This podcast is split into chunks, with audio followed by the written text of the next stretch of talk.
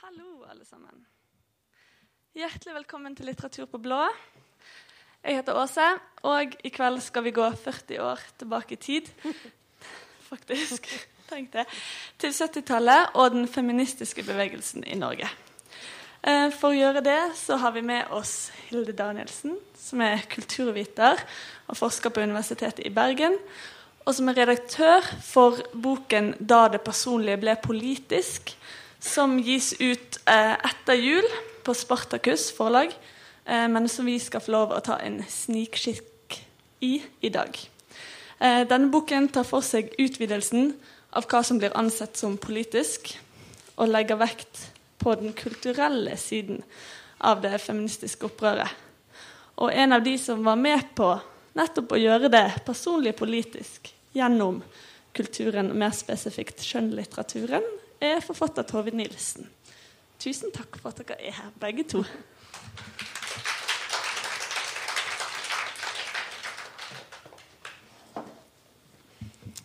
Hilde, um, tittelen på den kommende boken den henviser til slagordet da Eller slagordet det, pol, 'det personlige er politisk'. Uh, hva ligger det i det? Ja. Um, slagordet det handler om at det er sammenhenger mellom det private, personlige livet og det samfunnet som vi lever i, og de strukturene som vi er en del av. Og det som den nye kvinnebevegelsen på 1970-tallet brukte mye det slagordet til, var å påpeke at samfunnet var lagt opp på menn sine premisser, og at en ønsker å gjøre om på um, strukturene i samfunnet. Da. Det er den ene sida av slagordet. Og den andre sida av slagordet, det personlige er politisk, det er at det på et vis oppfordrer til engasjement. Eh, altså, det er at hvem du er, og hva, hva, liv du har, hvordan du oppfatter deg sjøl, hvordan du opptrer i ditt hverdagsliv som eh, kvinne, som datter, ektefelle, søster, arbeidstaker, eh, venn eh, osv. At alle de rollene du har, hvordan du opptrer der, at de henger sammen med forventninger og normer eh, som du er omgitt av, og at det er mulig å gjøre Altså, de er politiske, og det er mulig å gjøre noe med det. Så sånn sett så oppfordrer da dette slagordet 'det personlige er politisk' til eh, refleksjon og handling. Mm. Vi skal snakke litt om te hvilke tema dette gikk utover, på en måte. Men vi tenkte vi kort Kanskje du kan fortelle noe om eh, hvordan dette oppsto i Norge? Altså, er, hvem var disse feministiske gruppene som oppsto litt sånn rundt eh, universitetene? Ja, altså I den norske nyfeminismen, da var veldig inspirert av den amerikanske feminismen. Det er en morsom historie. Ei som heter Joe Freeman, som var en sånn eh, kjent eh, nyfeminist i USA. Hun var på heiketur i Europa for å frelse sine europeiske søstre. Og hun kom til Norge og syntes det virka litt traurig her. Altså, det var et gammeldags, kjønnstradisjonelt land. Eh, så hun hadde ikke særlig tro egentlig på kvinnefrigjøringen i Norge. da. Kom i kontakt med eh, noen fra Ammehjelpen og, og noen fra Norsk kvinnesaksforening, som var det eksisterende eh, kvinneorganisasjonen. Så lagde de et møte på Blindern der Joe Freeman talte. og Det ble en sånn skjellsettende begivenhet for de som uh, var der. da. Det var helt sånn elektrisk stemning. Og de jeg har snakket med, så var det, de forteller at de skjønte der og da at dette her er noe stort. Nå skjer det noe.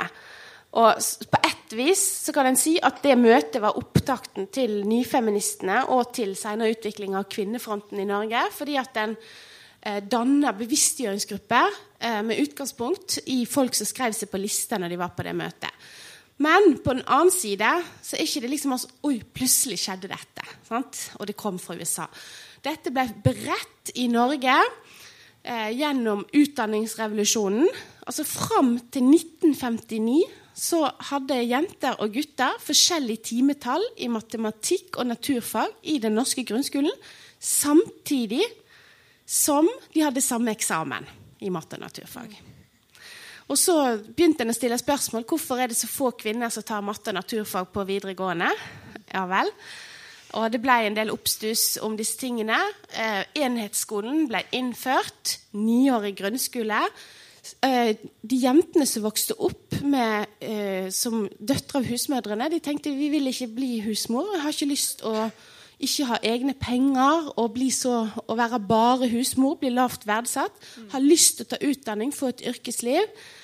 Um, som, det, var jo ting som skjedde i Norge, og dette inngår da i det breie bildet som dere kjenner til, med 68-opprøret.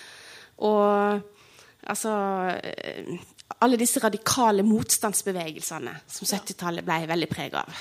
Mm. Tove, du er, var i 20-årene på 70-tallet, da. I 70-årene. Eh, hva var ditt møte med, med det feminismen? Ja, mitt møte var uh, Hvis jeg kan bare gå såpass langt tilbake at jeg er et av dine eksempler. For da jeg var sånn 11-12-13 år, uh, hadde hjemmeværende mor, hjemmeværende tanter, hjemmeværende nabodamer.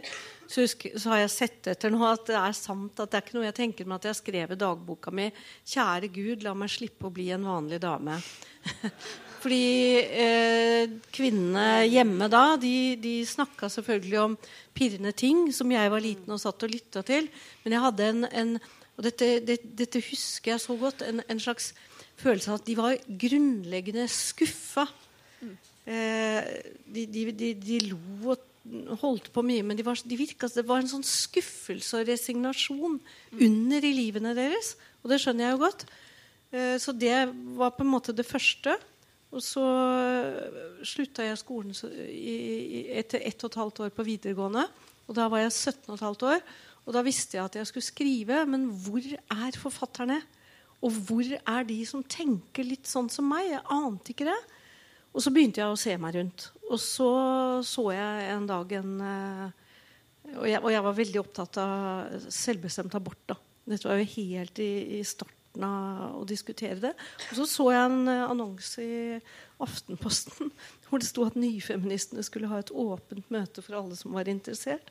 Og jeg gikk på det og husker at jeg fikk sjokk. fordi ja, jeg prøvde å tenke var det i Uraneveien 11. Husker ikke helt, Men jeg kom inn i et rom og så tenkte jeg å herregud, jeg er et barn, og de andre er gamle. For jeg var da 19 år. Mm. Og de som satt der, var vel ja, 7-28 år, og jeg syntes de så veldig voksne og etablerte ut. Så jeg var, husker jeg var veldig redd da, men det var min begynnelse. Ja, Og, og da du, ble du med i miljøet rundt nyfeministene, da? Jeg var vel en sånn som linselus i starten som cruisa rundt. Og så var det en så offensiv stemning mm. at da en bok som vel skal, du skal si noe om, skulle ut så det, det var ikke sånn Kan du skrive? Det var mye mer en sånn du skriver om det, du skriver om det, du mm. skriver en lang artikkel om det. Uh, ja, jeg, ja, fordi tidsskrifter og bøker fungerte jo samlende på denne tiden. Og en av de første sakprosasamlingene som hadde utspring i denne nye kvinnebevegelsen, det er nettopp denne her som du snakker om, som het eh, 'Hva bråker de for?' En bok av og for kvinner, som Åse Bang var redaktør for, kom i 1973 og der eh, bidro du med en tekst. Og dette er en bok som du skriver om i din kommende bok. Fortell litt om den, og gjerne les litt, hvis du vil. Ja. Eh, kjempegøy å treffe deg nå, da, siden jeg har Jeg la jo meg en gang merke til at eh, Tove Nilsen hadde skrevet en tekst her i 'Hva bråker de for?' og at hun måtte være veldig ung da. Eh, og så kikka jeg på presentasjonen av henne. Tove Nilsen, bosatt i Oslo, eksamen artium som privatist 1970, vil bli journalist. Ja. Det er riktig, det.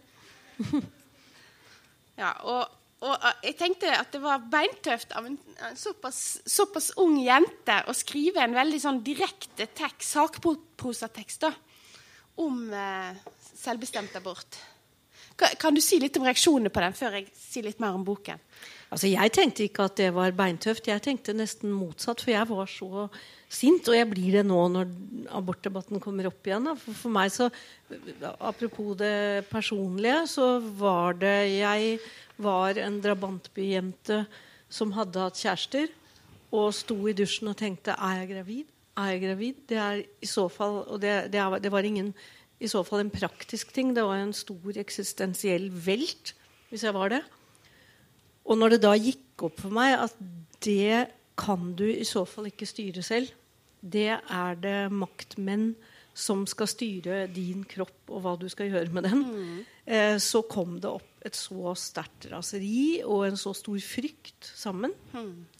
At jeg oppfatter det ikke som noe tøft, men mer som en slags nødvendighetsreaksjon. At når jeg skjønte at dette kan jeg få lov til å være med å skrive om, mm.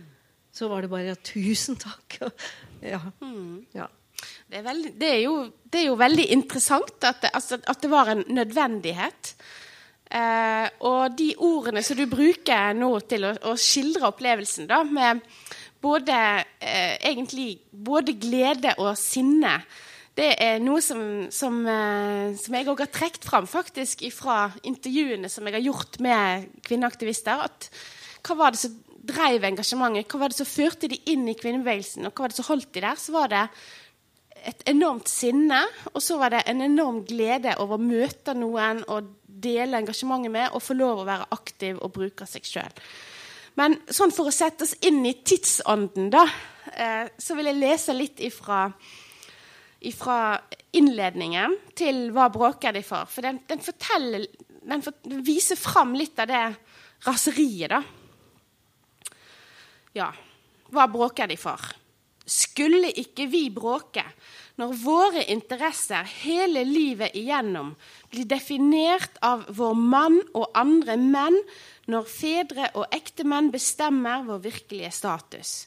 Når vi drives til å forfølge våre søstre for å framheve oss selv som tiltrekkende og uunnværlige, når vi så sterkt føler at vi truer hverandre, at vi må utslette hverandre for ikke å bli utslettet selv, når vi overalt utenfor hjemmet er fritt bytte for menns kjønnsøyne, deres kommentarer, plystring og invitter, deres vold, når vi gjennomlever liv i såkalt frigiditet og forstilte orgasmer, når tankene våre slites i stykker i vår redsel for å komme til kort, for ikke å kunne prestere tilstrekkelig i mennenes øyne, for å si noe dumt, noe upassende, når våre hørbare protester avvæpnes gjennom at vi blir stemplet som stygge, mannhaftige, overspente, seksuelt frustrerte hekser, når vårt rettferdige vrede dømmer oss som ukvinnelige,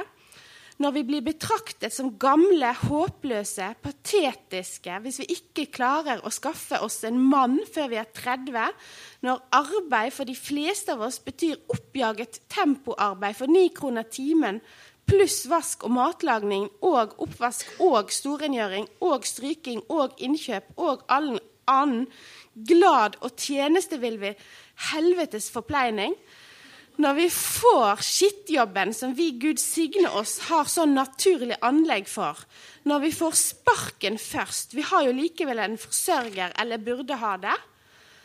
Når vi blir utnyttet som samfunnets pleiersker, å høre at det er et kall å pleie barn, gamle, syke, at det ligger for oss, og at det dessuten gir litt ekstrainntekter og litt egne penger når det kapitalistiske samfunnet reduserer oss til ting med bruksverdi og markedsverdi og hindrer oss i å leve som mennesker. Og dette er da introduksjonen. Det er veldig hardt kosta. Kan du si noe om hvordan, den boken, eller hvordan du tror den boken kunne være samlende på noen måte? Eller vekke, ja. vekke slags engasjement, da? Um, Altså den, eh, boka har mange ulike artikler som tar opp ulike temaer med det å være kvinne. Da. Og det som jeg tror boka eh, fungerte som, var en sånn døråpner for at vi finnes, og det er mulig å bli med i denne bevegelsen.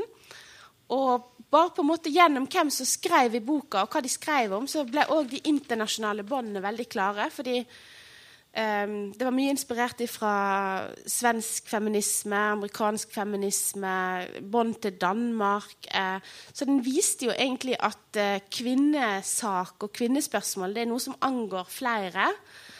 Og det som hun, Åse Bang legger vekt på, da, hun sier 'rekk meg hånden, søster', og starter med 'du er ikke alene'. Og det tror jeg er liksom hovedbudskapet her. Ja. Søsterskap gir styrke, skriver hun.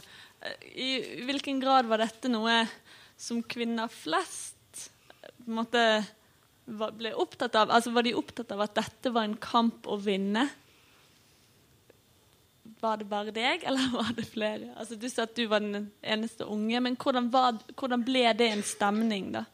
Det er klart det var en stemning. og Jeg, jeg satt og hørte på den opplesningen nå, så, så blir jeg liksom både at Oi, dette er lenge siden, altså. Dette er på en måte et språk som kommer Som liksom slår fra 50-tallet og ut til 70-tallet. Så det er selvfølgelig rart for, det er rart for meg og for alle her å høre akkurat de, den teksten. Men den er veldig symptomatisk. Men jeg tenker mye på det liksom, medieskapte monsteret av feministen, som ble veldig fort etablert, egentlig, mm. om uh, sure, tverre, stygge uh, damer og undertrykte, myke menn. ikke sant, Hele den der greia der. Mens når man var inni det, så den gledesbiten For meg var det jo sånn Oi, er det noen som tenker sånn? Er det noen som vil gjøre om på alt dette? Er det noen som akkurat som meg fabler om å, å, å kidnappe kristelige folkepartister og bare lukke dem inne et sted, sånn at vi kan få gjort våre forandringer? Så, så det reelle bildet, sånn som jeg husker det, var jo at, at feministene på 70-tallet og kjærestene deres var eh, de kule som ville en stor forandring, og som både var sinte og oppfinnsomme og bare kjente at ut av det gamle bildet av å være kvinne og mann og begynn på noe nytt. Ja. Eh, denne kvinnebevegelsen den eh, dreide seg rundt flere temaer. Men spesielt viktig ble kampen eh, om selvbestemt abort, som du sa at du også hadde veldig interessert i. Eh, og Det var tema for den teksten du skrev eh, sakprosa om i, i den antologien. Men det var også tema for romanen som du debuterte med i 1974. 'Aldri la, den, la dem kle deg forsvarsløst naken'. Eh, og jeg foreslo at du skulle lese, og det syns du var litt rart. Så jeg har fått lov å lese lite stykke um, som dette er bare en liten, en kort del. Det er der i boken Altså, boken handler om Tonje som tror hun er gravid med kjæresten Henrik. Eh, men hun, hun, er veldig redd for det. Hun tør ikke diskutere det med verken lege eller foreldre eller lærere. Eh, og hun, eh, hun har bestemt seg for at hun vil ta abort hvis hun er gravid. Og i dette, denne teksten så, så, tenker hun liksom gjennom som argument for og imot. Uh, og hun er veldig Hun plages av at det virkes, virker som Henrik vil at hun skal beholde det. Skal vi se Men hun skulle ikke la det vinne over seg. Hun skjønte at de ville sitte med makten i fanget og få overtak på henne. Det skulle ingenting til før hun ikke klarte å stå imot lenger. Hun orket ikke å diskutere med noen. Da kunne hun risikere at de fikk henne til å føde barnet. Det kjentes som om hun konstant gikk med gråten i halsen, og den minste motstand ville få henne til å gi opp. Men hun skulle ikke gi seg lov til det. De skulle ikke forkle henne forsvarsløs naken. Du har jo sagt noe om hvorfor dette ble tema men kan du si litt om reaksjonene du fikk på boken? Ja, egentlig så tror jeg at jeg var veldig heldig. Eh, fordi jeg så at reaksjonene delte seg veldig etter holdninger. Eh, altså Alle som var enige, sa at 'å ja, flott bok'.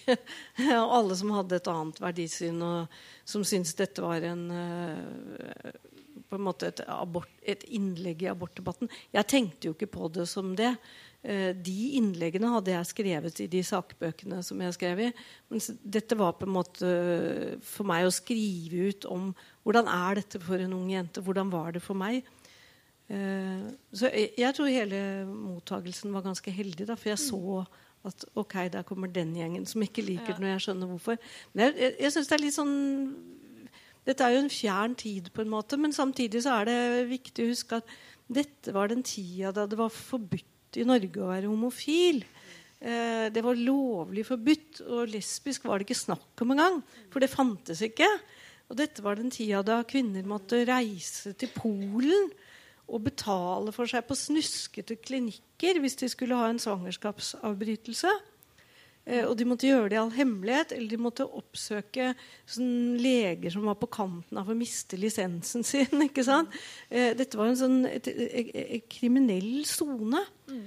Eh, så det å skrive om det den gangen at, og jeg husker den fryden ved å jobbe mot den lovendringen.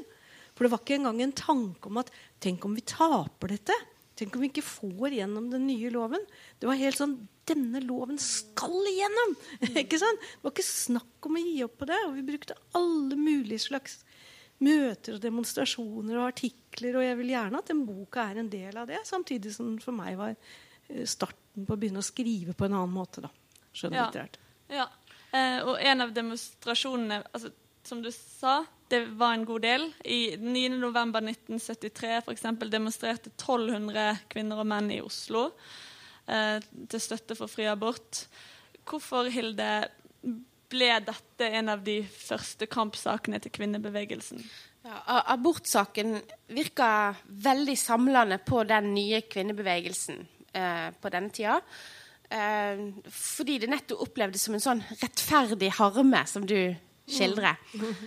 Eh, eh, og, og, det var en venstresidesak. Eh, og abortsaken var helt sånn konkret. Det gikk på eh, altså en overmakt som en protesterte mot. da. Eh, og den overmakta, det var da både eh, prestene og legene, som jo òg var mye menn. sant? Mm. Og da får du liksom patriarkatet og, og kristendommen. Mm. sant?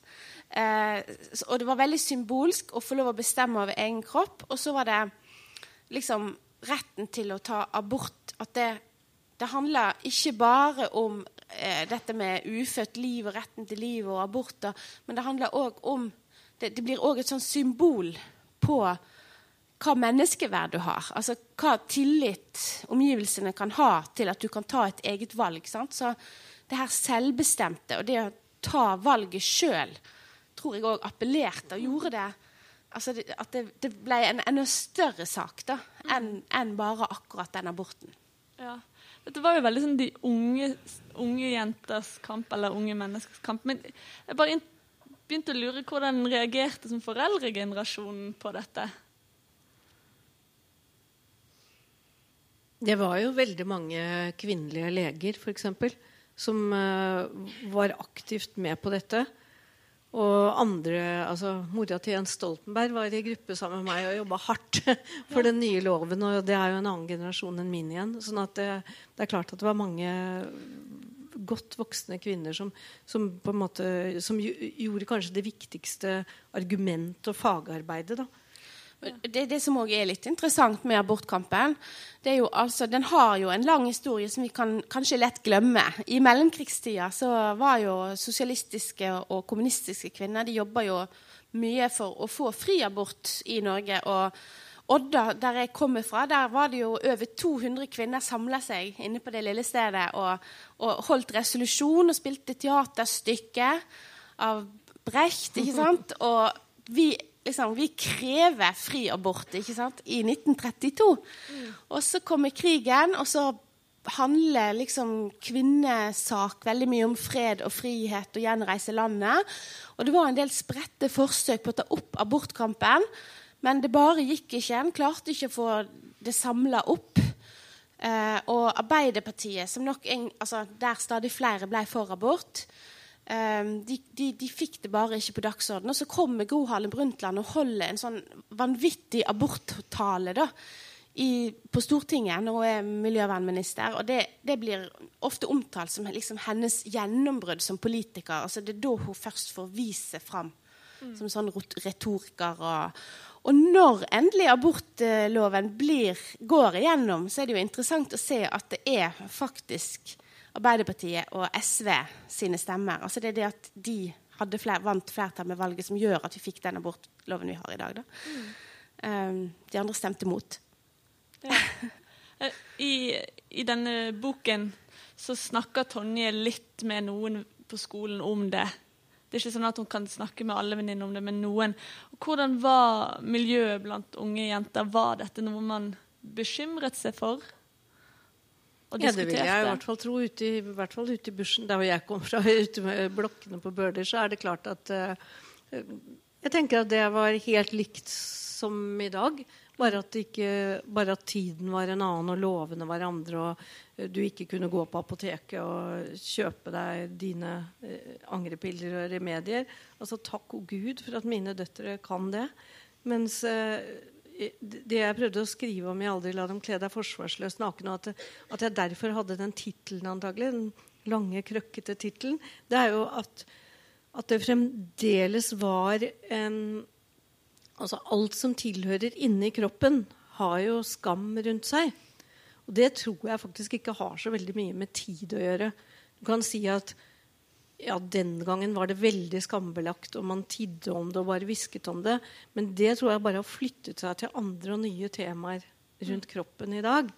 Eh, mens det der med tingene, altså erfaringene som direkte har fra kropp og biologi å gjøre, det, det, er, det, det, knytter seg skam til. I dag er det bare at det har flyttet seg over på noe annet. Mm. Men, så jeg husker det den gangen som noe, noe hvisketema eller noe snakke i fylla-tema med venninner, mm. men at det var ikke noe du kunne Og det var jo også fordi det var kriminelt. Ikke sant? Det, det, det er akkurat som visse stoffer eller sånn er i dag. Altså, du mumler om det i hjørnet, for det er ikke lov. Ja. Uh, mm. uh, en, et annet tema, bare for å gå litt videre uh, altså Sirene, for eksempel, eller eh, flere tidsskrift, fungerte jo samlende på en måte, men det var også så veldig sånn, opptatt av å gi mer autentiske forestillinger av hva det vil si å være en kvinne. Og hva, hva kvinnerollen er. Hvorfor var det viktig? Vi kan begynne med deg, Hilde. Ja, um, altså en, en, av de eh, måtene som kvinnene protesterte på, da, protesterte mot øvrigheten offentligheten på, det var jo å ty til pennen. Um, og skape, prøve å skape en ny offentlighet. altså Prøve å skape nye kvinneskikkelser og nye måter å skildre hverdagen og livet på. Og Sirene starta jo som et sånt forsøk på å konkurrere med de liksom, vanlige damebladene. da.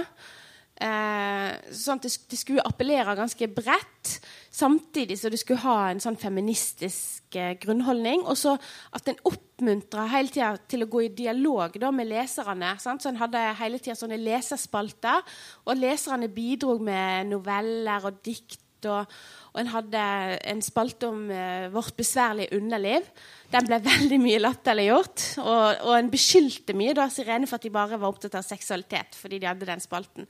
Men den drev jo helt rent med altså, grunnleggende seksualopplysning og abortinformasjon. eh, og, eh, så, så, det var liksom å få opp en ny, eh, en ny kvinnerolle. Og det var liksom Det handla mye om og, og liksom det her å ikke være et offer, men å liksom gripe livet og samtiden og liksom finne ut hvordan kan jeg bidra. Så, så de første numrene de var veldig sånn appellerende. Kom og bli med. og liksom Forlat husmorrollen og bli med i kvinneopprøret. Mm. Hvordan var dette her bildet av den liksom det autentiske, eller dette som bildet på den, eh, en annen type kvinne. Hvordan var det viktig for deg? Altså, som jeg sa, jeg drømte jo om det helt fra jeg var lite barn, fordi at jeg fornemma den eh, litt eh, resignerte, innestengte altså for, for, å bruke helt privat eksempel Min mor var, ville bli designer og var veldig god til å tegne. Og fikk meg. og ble gift i omvendt rekkefølge. Og ble da en av de mange som ble gående hjemme med, med, meg og husarbeidet. Det må ha vært dritkjedelig. Og det fornemmet jeg på henne òg. At hun ville tegne. Hun, hun, kunne, hun, kunne, hun, hadde talenter, og hun brant inne med dem. Mm. Hun var ulykkelig.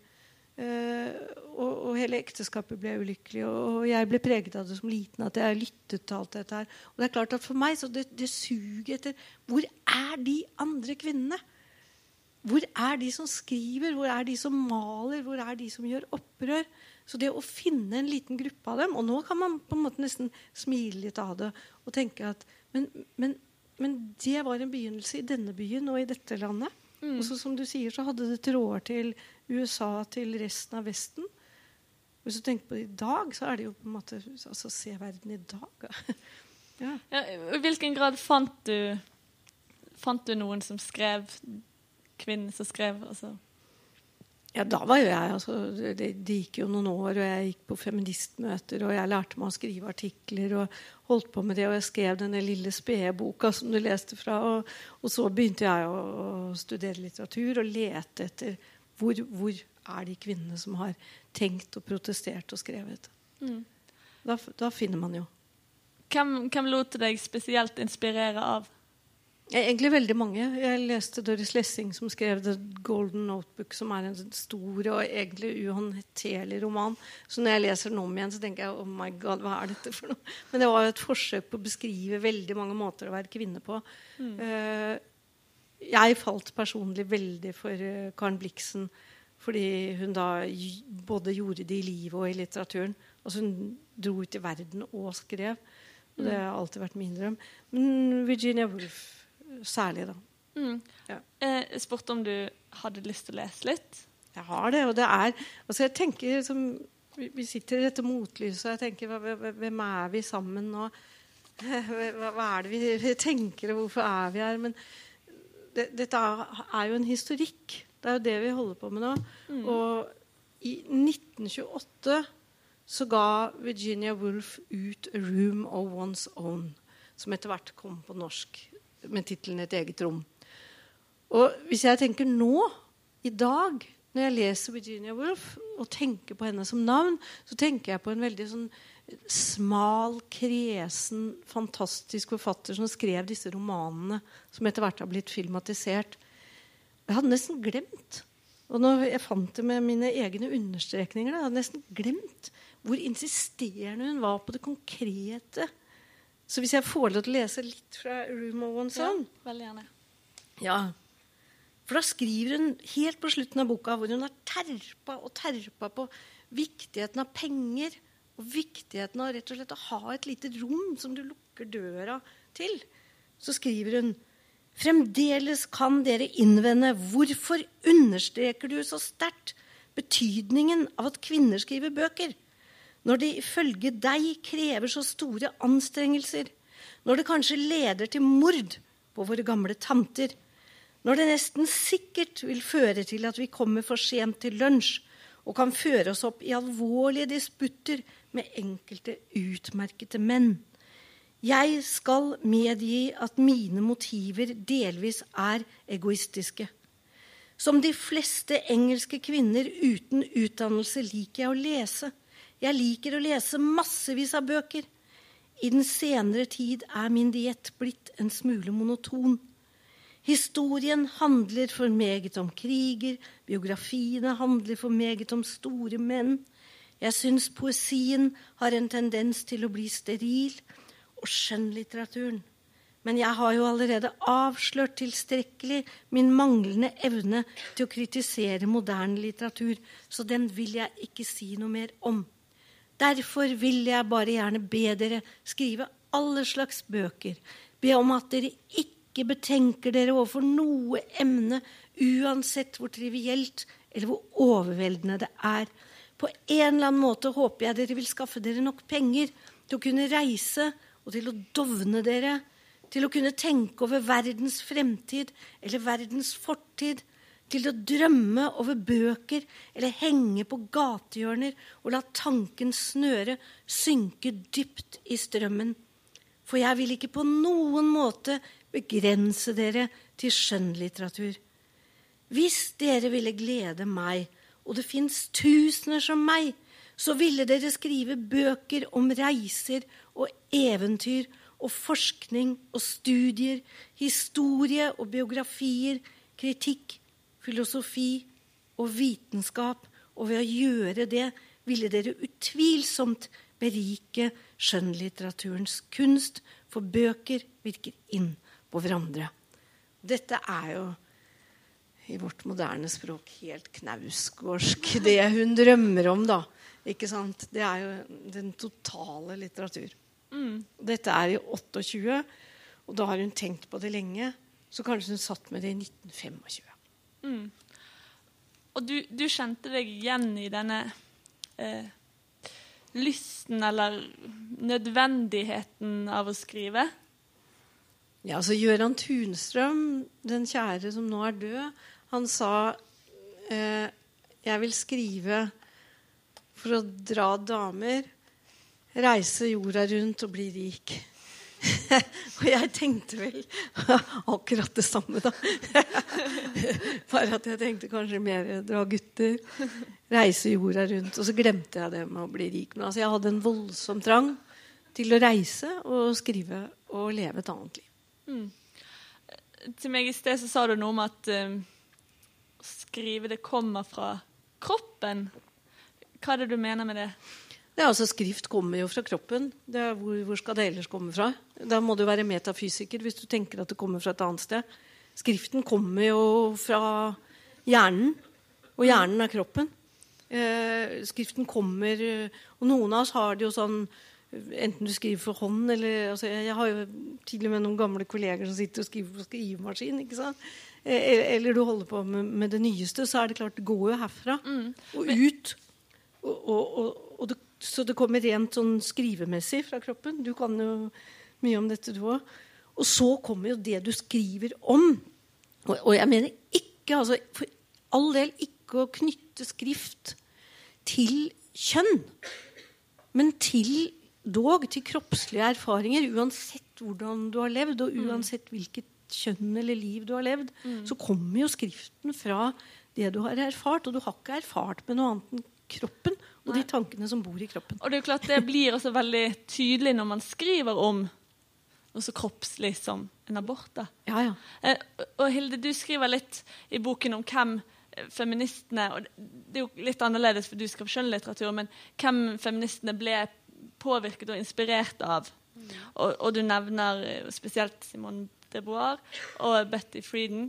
Eh, hva, hva hadde de å, å si for de norske nyfeministene? Ja, altså, vi, eh, vi har gjort noen intervjuer med, med sånn, både sentrale sånn, kvinneaktivister, men òg uh, kvinner som er i utkanten av et sånt aktivt miljø. Og veldig mange trekker fram uh, ja, Simone de Beauvoir eller uh, Betty Friedan. og det noen, det noen, sier, er faktisk at de, de når de leste de, så, så blir det liksom Ja, der er noen som sier det som jeg har følt. det som du var inne på, At det er en sånn intuitiv følelse. Noen kommer fram og sier det, forteller det jeg har opplevd. F.eks. Betty Friedan som skriver om husmorfellen. Yes, dette stemmer. Sånn var det min mor og alle rundt henne hadde det. Sant? Og eh, eh med eh, Beauvoir at, at liksom det derre eh, liksom opprøret og der, den og maningen til å ta ansvar for eget liv At det var liksom Ja. Det, det er det vi trenger. Ja. Men, eh, men, jeg har lyst til å plukke opp en tråd fra det som um, Tove forteller både om kropp og kropp og Når du snakker om kropp og abort fordi at uh, Kvinnebevegelsen var jo veldig opptatt av kroppen og òg av seksualiteten. Og det tror jeg var, det var jo en veldig viktig del av kvinnebevegelsen det var å um, liksom erobre da, sin egen kropp og sin egen seksualitet. Og det òg ligger mye i den feministiske skriften på eh, 70-tallet. Altså Marilyn French og Kate Millett og mange av de klassikerne. De skrev jo mye om det.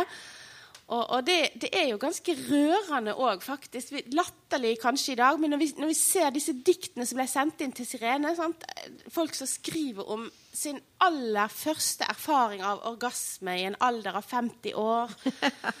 og, og, liksom det her eh, forholdet mellom eh, vaginalorgasmen og klitorisorgasmen. Sant? At man knapt visste hva en klitoris var. og og så kommer 'Kvinne din kropp', som jo blir et sånn ikonisk symbol på kvinnekampen. Der liksom Kvinne, kjenn din kropp. Altså, Kjenn din kropp og bli kjent med deg sjøl. Ta ansvar for livet ditt. Eh, det blir et, eh, et, krav, nærmest. Mm. I hvilken grad ble det viktig at det var kvinner som leste litteraturen din?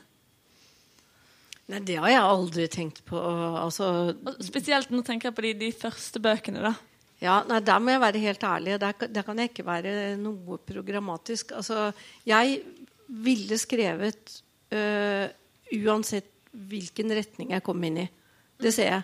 Om jeg hadde så vært så uheldig å havne i et øh, ekstremt høyreorientert miljø, så hadde det sikkert kommet en roman derfra.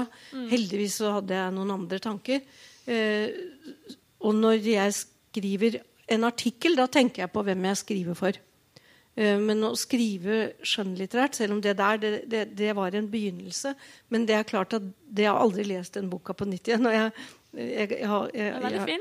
Jeg kommer ikke til å gjøre det heller. Eh, for det var, det var en, en, en, slags øvelse. Men jeg husker godt hvor viktig den var for meg, så jeg tar ikke avstand fra den. Men den var en øvelse. men, men å skrive skjønnlitteratur er å gå inn i eh, et område som du utforsker sjøl. Noe, noe, i deg eller rundt deg.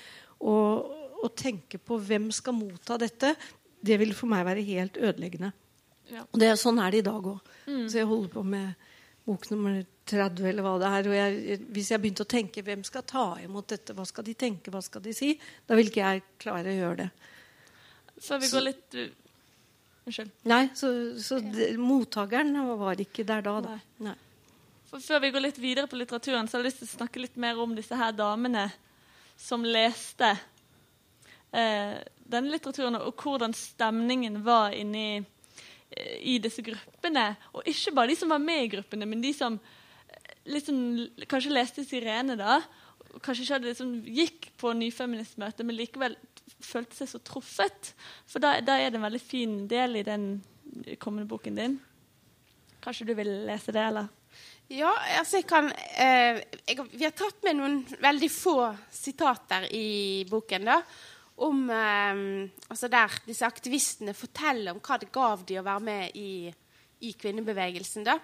Og det tenker jeg også litt i forlengelse av det du sier, så at du tenkte ikke så mye på mottakeren. Så tror jeg at noen av de jobber veldig Noen av de som var med, de jobber veldig konkret sant? for uh, fri abort, for uh, flere barnehageplasser, uh, mot kommersialisering av kvinnekroppen, mot prostitusjon osv.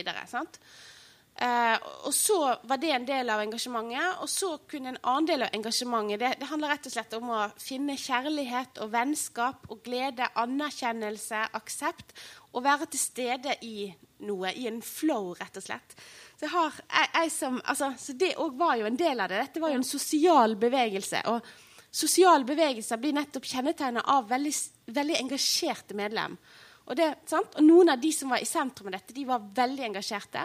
Så de i utkanten, Kvinnebevegelsen besto òg av, den, den breie på en måte, utkanten, som òg kunne identifisere seg med det. og og være med på noen av sakene, at de, og at de diskuterte i hverdagen, eller de gjorde sine ting i ritualer eller ting i hverdagen som betydde noe for dem. Men de var ikke så helhetlige. Da. Men jeg har lyst til å ta noen sitater fra ei som vokste opp som lesbisk på vestkanten her i Oslo, og som eh, eh var ute på byen med en venninne altså, Dette er ei som var helt i kjernen, men jeg, jeg syns hun forteller så fint om hva det ga henne å være med.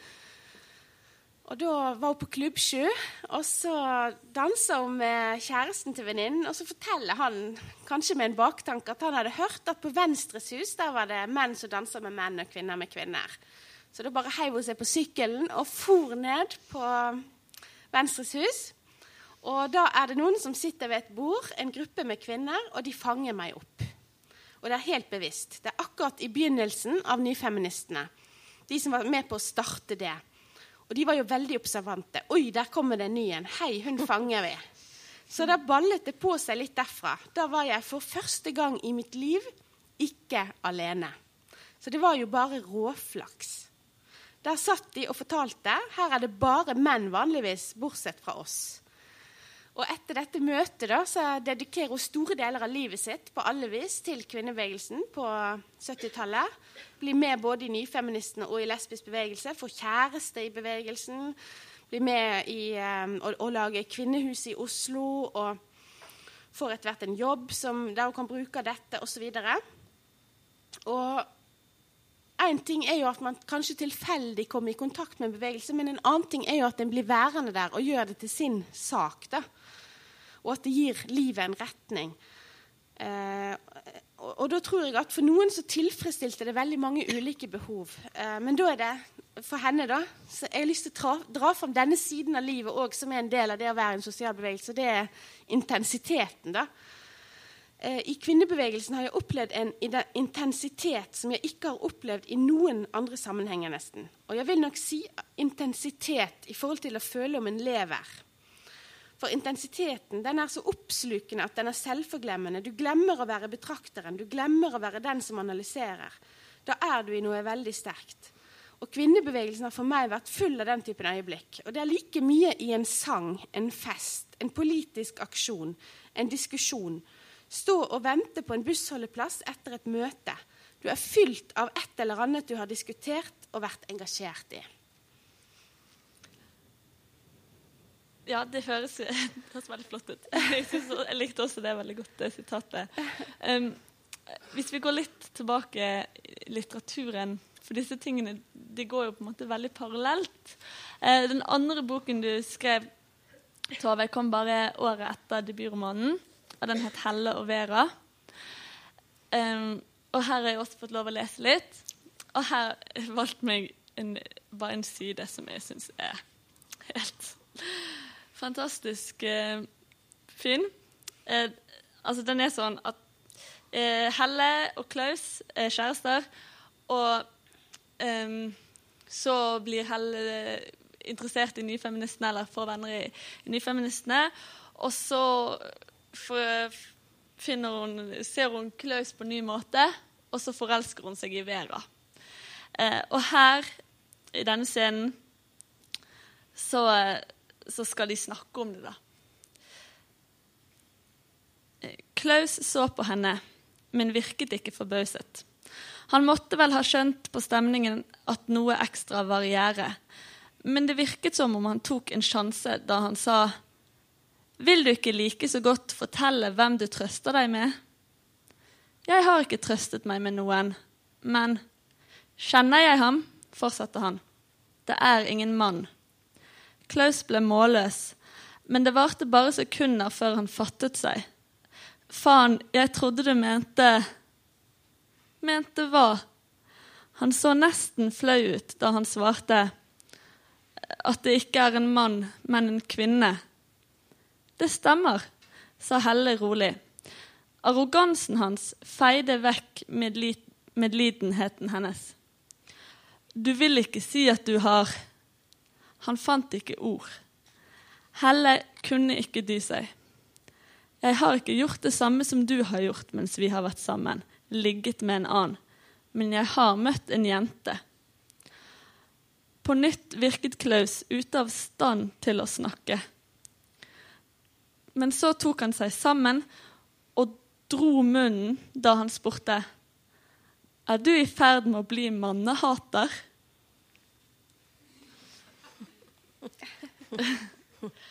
Jeg syns det var en, en, fin inngangsport til å spørre Hilde hva var mennenes rolle i denne bevegelsen? Ja, Mennene de, det, var, det, var, en vanskelig posisjon hvis du sammenligner kjønnskamp og klassekamp. For det, i, i, klassekampen så kunne du kanskje distansere deg mer fra de du opplevde som overgripere og utbyttere og fiender. Altså, i eh, kvinnekampen så skulle du faktisk eh, altså, sove 'sleeping with the enemy'. Eh, det ble en veldig dobbel relasjon. Eh? At, at mannen var både en, en medkjemper eh, og en potensiell fiende. Det, det, det kunne være ganske vanskelig, for at du skulle balansere mellom å kritisere liksom, patriarkatet, altså den strukturen som gav menn fordeler i sam samfunnet, samtidig som du skulle få kanskje din egen kjæreste eller mann med i dette prosjektet. Og den boka som kommer ut over jul, så har en kollega av meg Jan, Jan Kåre Breivik, der har han intervjua og skrevet om de mennene som engasjerte seg i en egen mannsbevegelse. Som en mannsbevegelse som støtter opp om kvinnebevegelsen. Det er første gang noen har gjort det i Norge. Det er kjempespennende. Eh, mange av eh, de engasjerte kvinnene had, altså de, de hadde menn som støtta kampen deres. Eh, samtidig var det òg sånn at eh, kvinnebevegelsen ble en, eh, et, en havn for eh, Og for eh, enkelte lesbiske. Sant? Og eh, lesbisk bevegelse oppstår jo eh, med utgangspunkt i kvinnebevegelsen eh, av lesbiske som opplevde at lesbiske sin hverdag ikke ble tatt på alvor i kvinnebevegelsen, og at det var en frykt for, å, for at kvinnebevegelsen skulle bli for identifisert med det lesbiske prosjektet. Eh, og det, det ser vi jo òg. At mange ble veldig opptatt av å si at eh, jeg er feminist, men jeg elsker menn. Altså, eh, for en ble veldig lett beskyldt for å være mannshater. En ble eh, eller, og beskyldt for å være lite attraktiv eller, og ekkel. Og, og, og det ble et veldig behov for å si at liksom, vi er glad i menn det, og den konkrete mannen, men, men det systemet vi, vi er imot. Eh, så det var en veldig vanskelig situasjon, rett og slett. Hvor, hvorfor og hvordan skrev du denne boken? Den som du leste fra? Mm. jeg jeg får et veldig konkret bilde, fordi jeg hadde ikke flytta hjemmefra. Jeg bod, satt inne på eh, et skriverom hjemme hos moren og faren min. Jeg hadde ikke fått meg leilighet. Eh, faren min ville vel sagt at lesbiske er syke mennesker. Eh, han ville vel sagt mye sterkere ting enn det. Hva moren min ville sagt, det vet jeg ikke. Hun ville vel ikke sagt noe om det. Eh, jeg fikk eh, jeg, jeg hadde en lesbisk venninne. Eh, og vi satt inne på mitt rom, og hun hadde med sin kjæreste. Og vi satt og snakka der, og jeg begynte å tenke Tenk, her sitter jeg hjemme i det hjemmet mitt, det vanlige norske hjemmet. Og hvis foreldrene mine hadde liksom visst at her er det et lesbisk par, og så er det datteren deres, så ville det blitt noe slags bråk av det i ettertid. Og det var en sånn Er det mulig? For dette er vennene mine. Og det ville blitt et bråk. Jeg husker jo fra jeg var liten at, at begrepet for homofil blant folk var 'han er sånn'. Og så viftet de med hånden. ikke sant? Sånn at s- og så det var heller ikke ingen Jeg kan aldri tenke at jeg har skrevet en, en roman ut fra noe slags programmatisk at, For det, da kunne jeg skrevet en artikkel. Noe som jeg sikkert også gjorde. Men det begynte å gå sånn i hodet. den der, 'Dette er mine venner'. Eh, og jeg har alltid hatt veldig lett for å tenke Hvem ville jeg blitt forelska i hvis det var en dame jeg skulle bli forelska i? Det ser man jo alltid. Eh, og så begynte jeg å kjenne på hva, hva er disse følelsene her? Hvor er de i meg? Eh, enten det å bli forelska i en annen kvinne eller jente, og, og, og, og det å, som jeg da når jeg skrev den, hadde en, en gutt, manne, guttekjæreste. Vi var vel 20 år eller en par og 23 år eller noe. Ja. Um, og så jeg, så, så ble det bare en roman av det. Altså en fortelling av det. Ja. Så jeg hadde ikke noe svar, egentlig. Jeg hadde bare veldig lyst til å, å, å skrive ut noe av alt det som gikk i hodet på meg hele tiden. Fordi det var rundt meg, rundt rundt i livet mitt. Ja. Ja. Kan jeg si noe? Ja, det, det er nesten vanskelig i dag å sette seg inn i hvor tabubelagt det, altså, det faktisk var å være lesbisk eller homofil på den tida. Selv om det, det er masse problemer og utfordringer med det i dag. Så, så likevel Altså, var liksom to åpne lesbiske figurer i Norge i det hele tatt. Og, og det var en enorm begivenhet når de første lesbiske gikk i 8. mars-toget, og det var synlig hvem de var, og de gikk i det toget. Eh, og, og, og, når Gerd Brantenberg kom med sine bøker, altså hvor unikt det var, og, og spesielt. Eh, og det var jo en viktig del av kvinnekampen. og det, det, altså, eh, det handler jo både grunnleggende om seksualitet og identitet. Altså, fordi liksom, Hvis du da forsvarer det lesbiske, og hvis du går så langt som i de amerikanske feministene, sant, som kjørte fram dette med lesbiske øyer altså Det å være liksom sjølforsynt og klare seg uten en mann og så, så, blir det jo veldig truende. Sant? Men ja. i forhold til seksualiteten altså, faktisk, Du trenger ikke en mann for å bli seksuelt tilfredsstilt. Mm. Eh, og det å liksom ikke skamme seg over, men fronte liksom at eh, Yes, dette er, dette er flott, positivt, bra.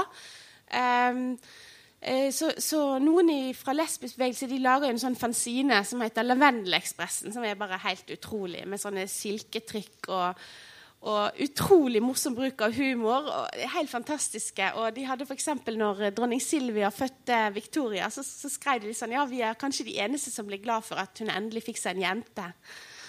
Uh, og, de, og de, de, det, er veld, det, er veldig mye morsomt.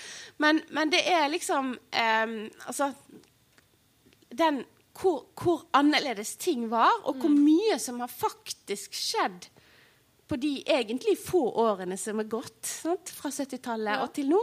Det, det, er utrolig å tenke på. Mm. For min tanke når jeg leste 'Helle og Vera', det var hadde det kunne gått an å skrive den med de tankene som Helle gjør seg når hun møter, altså møter disse damene. Hun beskriver det sånn som du beskrev det. Hun blir helt sånn Å, her er de jo.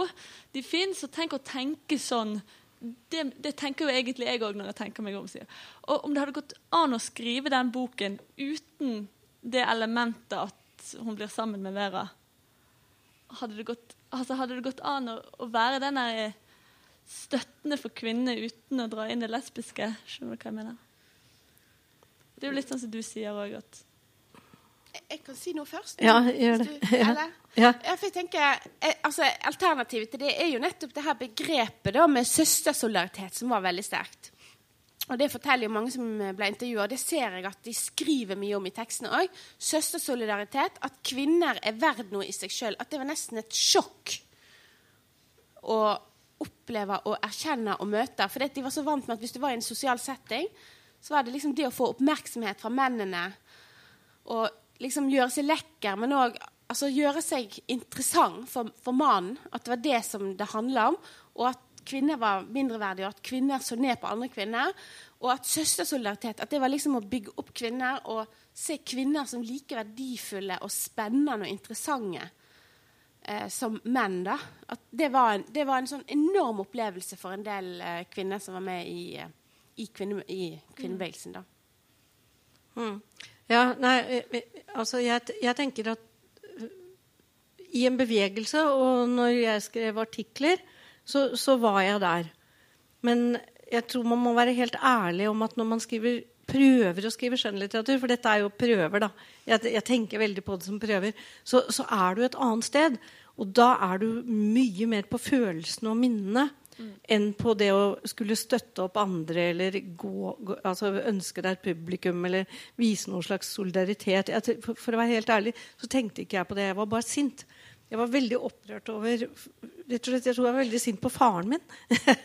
ja, jeg er veldig sint på, på, den vanlige familien jeg kom fra, som var så på mange måter så veldig fin. da veldig fin. Jeg har bare gode ting å si om dem som mennesker.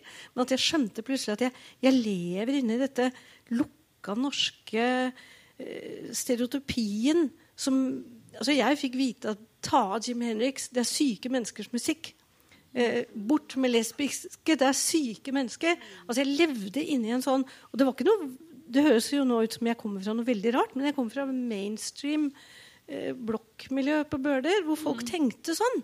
Og jeg, når jeg var ung, så jeg, jeg blir det jo fremdeles det, det, var så opprørende for meg at jeg bare var nødt til, uansett hvordan dette ville bli mottatt, eller hvem det var som skulle ha det, å prøve å forske ut i noen av de temaene. da. Mm. Hva syns din far om Helle og Vera? Han syntes ikke det var noe bra, men syntes det var veldig bra at datteren hans fikk bilde i avisa. Sånn er det, ikke sant? Ja. Mm. um, hvis vi prøver å se litt uh, framover um, Eller jeg vil egentlig, vil egentlig spørre om en annen ting først. Jeg gjør det først. du sier at, at, dette var bare no, noe som Du tenkte ikke så mye på mottakerne nå. Dette var noe du måtte skrive. Men når på en måte sluttet du? Altså, når, var det sånn at du følte du hadde sagt ditt etter noen veldig sånn politiske eh, bøker? Jeg selvfølgelig følte du ikke det, for du har skrevet i 40 år. Men hvor, sluttet du å skrive politisk, eller tok det bare en annen form? Kjære Gud, la meg aldri slutte å skrive politisk. Nei, altså Jeg tenker at det tar en annen form. Mm. Og at du eh, Ikke minst at det tar et annet språk. For ja. livet ditt flytter seg et sted. Mm. Men hvis det glapp for meg, altså det, det ståstedet da, som jeg mener er utrolig viktig, som f.eks. handler om outsiderne Det er den eneste tråden jeg kan se i, i mitt forfatterskap. Altså, I det øyeblikket jeg slutter med det, og begynner å skrive bekvemt om insiderne fordi jeg har blitt en av dem, sånn, da er det veldig leit. Så, så, jeg tenker bare at det får en annen form, og du må fortelle på andre måter. Altså, jeg er 59 år nå. Jeg kan ikke fortelle på samme måten som jeg gjorde da jeg var noen og 20. Mm. For livet har gått langt av gårde. Så det, det, tror jeg bare har noe med å finne måter å fortelle på. Og kanskje noen ganger blir det altså, Vi, vi snakka litt før vi møttes om, om språk og f.eks. For forsiktigheten i dette språket. Mm. Det er ikke tilfeldig at jeg ikke har skrevet en bok som heter Bølefitter, Mm. Fordi det er ikke mitt språk. Jeg vil ikke skrive sånn. ikke sant? Mm. Så jeg vil noe annet med språket og tanken min. Uh, ja. Og da kan det hende at det ikke blir så tydelig lenger, men jeg håper jo det ligger der. Ja, ja, absolutt. Mm. Um, hvis vi nå går litt videre hva, Hilde, kan du si at at denne bevegelsen på 70-tallet, som du i boken kaller noen hektiske år For det var det det var. Det var veldig mye som skjedde veldig fort, egentlig. Eh, hva har de å si for, for unge jenter i dag, da, eller kvinner i dag? Det er to, altså, jeg tenker at Kvinnebevegelsen har to liksom hovedsakelig to typer av innflytelser. Da.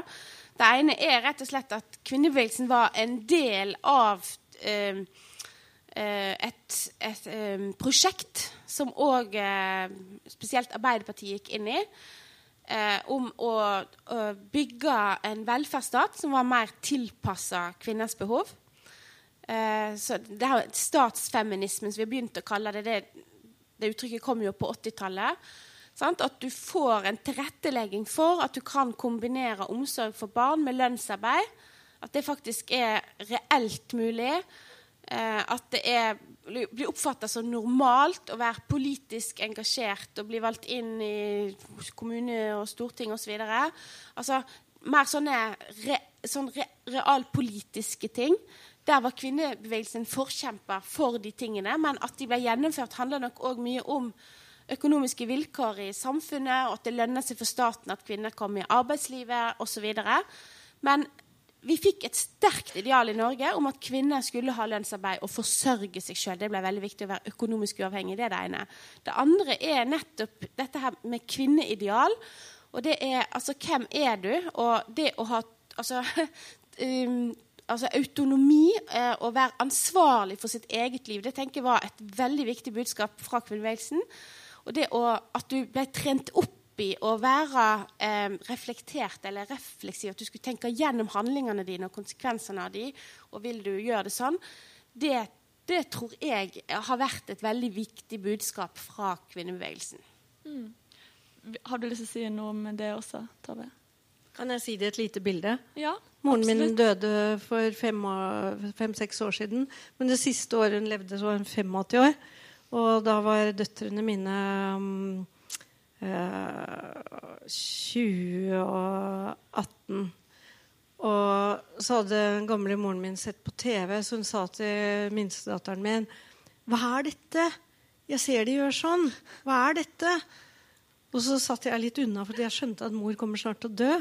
Så jeg var veldig trist. Og så sa begge døtrene mine 'Mormor, Du gjør sånn, ikke sant? Du gjør sånn, du viser fingeren til alle. Og så gjorde moren var bitte liten med sånn krøllete hår og perler og veldig sånn. Og så gjorde moren min sånn, sånn Er det sånn? Og så sa de ja, mor, mor, det er sånn. Og så så jeg da liksom 18-åringen, 20-åringen, 85-åringen. Og så tenkte jeg yes! Noe, noe, noe har nedfelt seg. ikke sant? Ja. Jeg tror det ligger i en sånn sum der. Mm. Um, det jeg ville spørre om nå, var um, også, Egentlig litt sånn i forlengelsen av dette her. Altså, du intervjuet jo mange kvinner, Hilde, som, som var aktive i denne bevegelsen. Og jeg lurer sånn på eh, Hva har skjedd med de? Hvordan stilte de seg til det de fortalte om? Var det veldig fjernt for de, eller har de, er de feminister på fortsatt? Altså, Altså, både jeg og jeg sitter Ingrid Mofte Uglu, som har, har skrevet en doktorgrad om dette, som er kommet snart. Eh, vi intervjua både ja, sentrale aktivister og mer perifere. Altså, klart at De som lar seg intervjue, de har kanskje et litt mer positivt forhold til det enn de som ikke ønsker å prate om det. For det er klart Noen sier nei, det vil jeg ikke prate om. Og noen opplevde ting. Eh, mitt inntrykk Kanskje noen av de som var med i Kvinnefronten, var, sto kanskje ikke i dag helt inne for noe av det de hadde vært med på, fordi at eh, Kvinnefronten hadde jo en periode der de var eh, under AKP-ML, og der eh, altså, hva var det? De hadde jo en kampanje 'Fei kvinnesaken av veien'. altså At, at du, du skulle ikke drive med kvinnesak selv om du var i Kvinnefronten. Eh, jeg vil jo også nyansere det, for det var jo en sånn sentralt direktiv. Og jeg tror mange som var engasjert i Kvinnefronten rundt i distriktene, de brydde seg ikke om det, eller de visste ikke om det, og det, det hadde ikke så mye å si for dem. Men, men det er klart, eh, Kvinnefronten hadde en litt vanskelig historie der med AKP-ML, så noen av de strevde litt med noen av de valgene de hadde tatt. Eh, fordi det, var, det, det ble sentralstyrt, og andre på en måte skulle bestemme hva du eh, skulle gjøre. Mens de som var aktive nyfeministene, følte jeg kanskje var de, var veldig bekvemme med hva de hadde vært med på. Fordi eh, nyfeministene det handler veldig mye om dette her med å og, og refleksjon, og finne ut hvem du var, for å gjøre deg klar for politisk handling, men at du aldri måtte gjøre noe uten at du sjøl mente og sto for det. Så det var liksom ikke om å gjøre å finne de rette slagordene, det var mer å bevisstgjøre kvinner til å ta sine egne valg.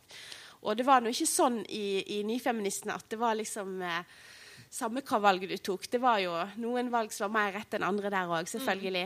Men, men likevel så var det grunnholdningen, og den tror jeg mange har tatt med seg. Jeg synes de, de, eh, Veldig mange forteller at de har brukt engasjementet inn i jobb og familieliv.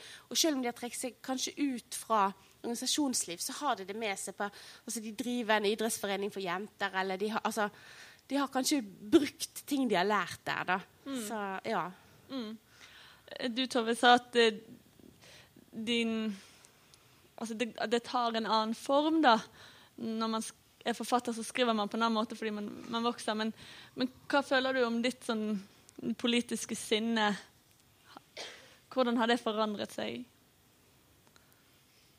Eh, Jeg tror egentlig ikke det har forandret seg i, i, i- sånn, i temperatur, men at det er eh, Jeg er veldig enig i det, mye av det du sa om kvinnefronten og nyfeministene, selv om jeg på en måte gled mellom begge steder. Men eh, jeg, jeg tror det er egentlig mange Nå er vi helt på slutten, men jeg tror det er en del sånne pinlighetspunkter i dette. En del av det er at uh, veldig mange voksne mennesker er livredde for å bli sånn som foreldrene våre var. Altså Mine foreldre snakka om krigen helt til du ville kaste opp av den krigen. Og eh, det å begynne å snakke om 70-tallet er jo bare det er for meg litt sånn Skal vi snakke om dette forterpete tiåret igjen som så mange romantiserer? Uh, og jeg tror at en del eller jeg er helt sikker på at en del folk på min alder kom til et punkt hvor de ble veldig redde for altså Nå må vi holde kjeft litt. Nå må andre få snakke. Nå må vi skjønne at det er en annen tid. Nå må de få definere det. Eh, men så sitter du jo der og ser at wow, nå kommer det på nytt igjen. Nå er det sju av ti voldtektsanmeldelser som blir henlagt. Nå er det plastisk kirurgi, nå er det cupcake-mote. nå er det...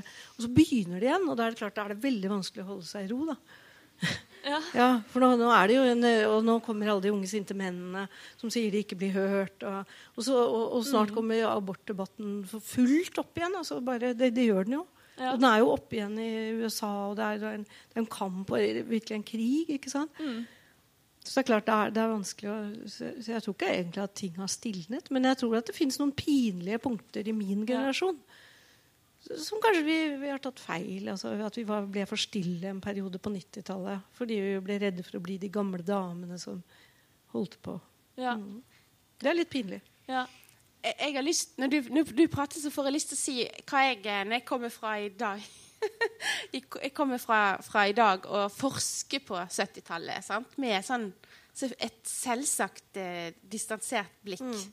Sant? Og det er 'oi, og var det sånn?' Og, ja, og så er det jo gjenkjennelige ting òg. Men så, så det som slår meg i forhold til sånn eh, Altså politikk eh, og, og så er det eh, den, den troen på at forandring var mulig, da. Den troen på at det gikk an å lage og skape et sånn radikalt, helt annerledes samfunn. Eh, og det å altså disse samfunnseksperimentene som vi ler av og latterliggjør med kollektiver og alternative samlivsformer og eh, ja, barnehage Masse greier som liksom Å, gud, det gikk jo i vasken. Sant? Og mye viste seg jo å rett og slett ikke fungere. Eh, sant? Eh, men samtidig så tenker jeg akkurat den der kan jeg jo savne litt i samfunnsdebatten i dag.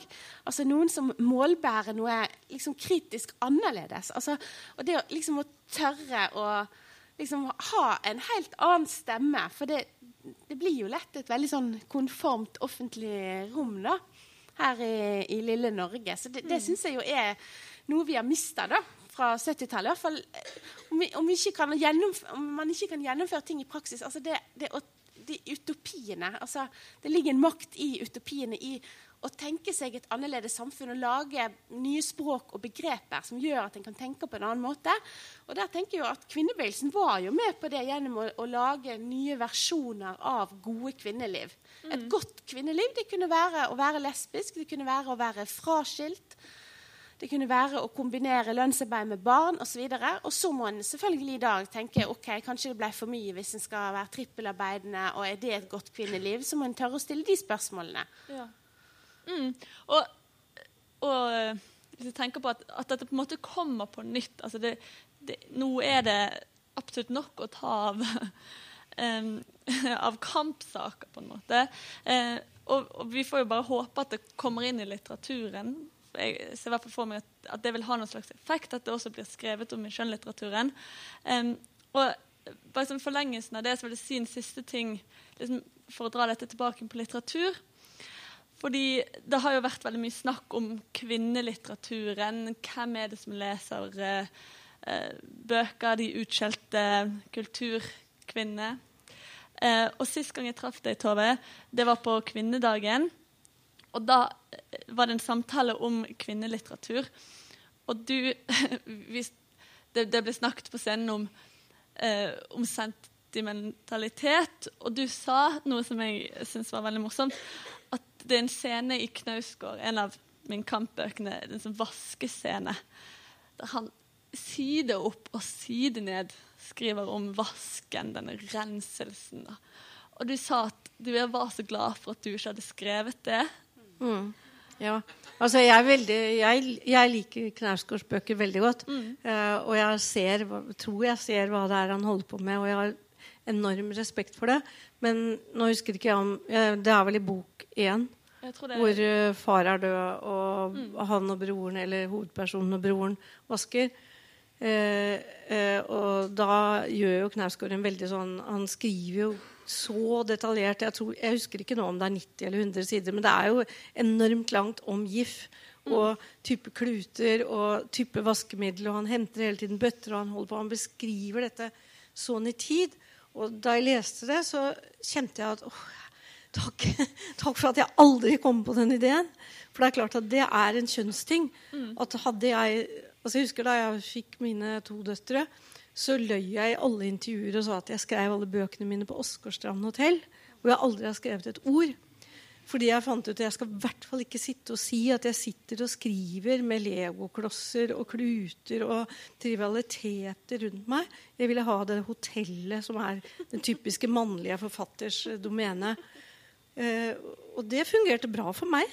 Eh, så det er klart at Hvis jeg, på, hvis, hvis jeg den gang hadde jeg gjort det strålende, så kunne det jo ha gått. Men jeg er veldig glad for at ikke jeg skrev 90 sider om bleier og barn og legoklosser akkurat ti år før. da. Mm. Ja. ja, med det Men jeg er lykkelig for at Knausgård gjorde det, det men det, det, sier noe om hvilke stemmer som Hva du kan gjøre. Ja. ja um, mm. Og jeg, jeg, bare tenkte at det var en sånn litt sånn fin ting å avslutte med. da.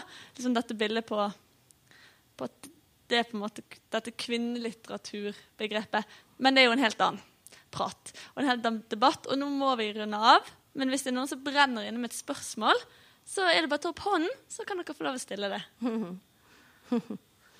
Det er et veldig ungt publikum. Jeg hadde håpet på at det kom noen sånn, sånn Gamle. sinte nye feminister. Skikkelig gamle. Ja. Noen som brenner? Nei. Da kan jeg fortelle dere at neste uke er det asyl som tema, med Rune Berglund Steen. Nå bare leser jeg opp, altså. Som har kommet med svarte bok om norsk asylpolitikk. Og Kari, Kari Gelein, som har kommet med en fotobok om asylbarna eh, som heter 'Jeg liker Norge, men Norge liker ikke meg'. Eh, I samtale med Martin Gryna Larsen, eh, veldig aktuelt eh, med andre ord, så kom på det på tirsdag. Eh, da sier vi bare takk for oss. Ja, men herlighet. Vil du ha en mikrofon? Ja, Da må du si det. Snakk veldig høyt. Ja, det er sånn, Spørsmålet var altså om denne boken på Spartakus, eh, da det personlig ble, ble, politisk, om den kommer etter jul. Uh, ja, eh, den kommer helt på nyåret. Og det er en um, Det er en antologi, så det er flere forfattere. Og jeg er, ja, jeg er, redaktør og har skrevet en tekst om hvorfor og hvordan kvinnene ble engasjert. Så er det jeg sitter Tone Hellesund som har skrevet om de konkrete sakene som en jobber for. Så er det Jan Kåre Breivik som har skrevet om mannsbevegelsen og hva, hva som drev denne mannsbevegelsen. Gjort intervju med de sentrale aktørene der. Og så er det Synnøve Lintner som skriver om framvoksten av en sånn ny kvinneoffentlighet med utgangspunkt i Sirene. Og så er det Ingrid Mofte Uglu som skriver om hvordan disse budskapene om å gjøre det personlig politisk, hvordan det ble dratt inn i hjemmet og forhandlingene i den intimsfæren om arbeidsoppgaver og hvordan hjemmet skulle se ut og hvordan det skulle være. Altså, det er ikke, ikke noe sånn tradd om hvem, akkurat hvem skal ta oppvasken, men mer sånn grunnleggende. Hva er et godt hjem? Mm -hmm.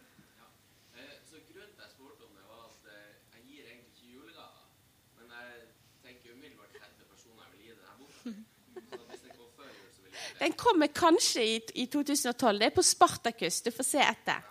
Og det andre spørsmålet det var det som du sa om din far, eh, som hadde eh, blitt så glad når boka kom ut.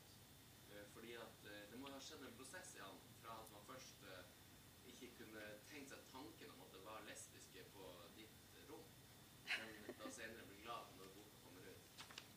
Jeg må, jeg må nesten moderere det litt ved å si at uh, jeg tror kanskje ikke han leste, eller jeg er helt sikker på at han aldri leste den boka. Men at han kanskje så litt hva det handlet om i anmeldelser og tenkte at den skal jeg aldri lese. Men som mange foreldre så ble han litt fornøyd når han så sitt eget barn avbildet i avisen. fordi da, da blir det liksom en slags aksept. ikke sant? Men jeg tror aldri han leste det stoffet. da. Nei.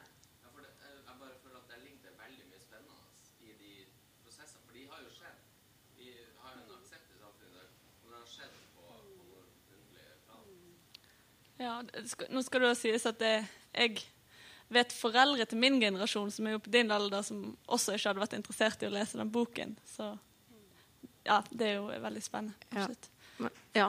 men det, må, det, har, det, er klart det, må, det, har skjedd store ting. sånn at den foreldregenerasjonen der er jo en tapt generasjon, da, for å si det sånn. Mm. Heldigvis. altså, jeg har i hvert fall kost meg. Eh, Det håper jeg dere har òg. Og vi eh, ses eh, på tirsdag. Takk for at dere kom. Tusen takk for oss. Tusen takk for at dere lyttet. Og, ja, det er alltid litt sånn rart.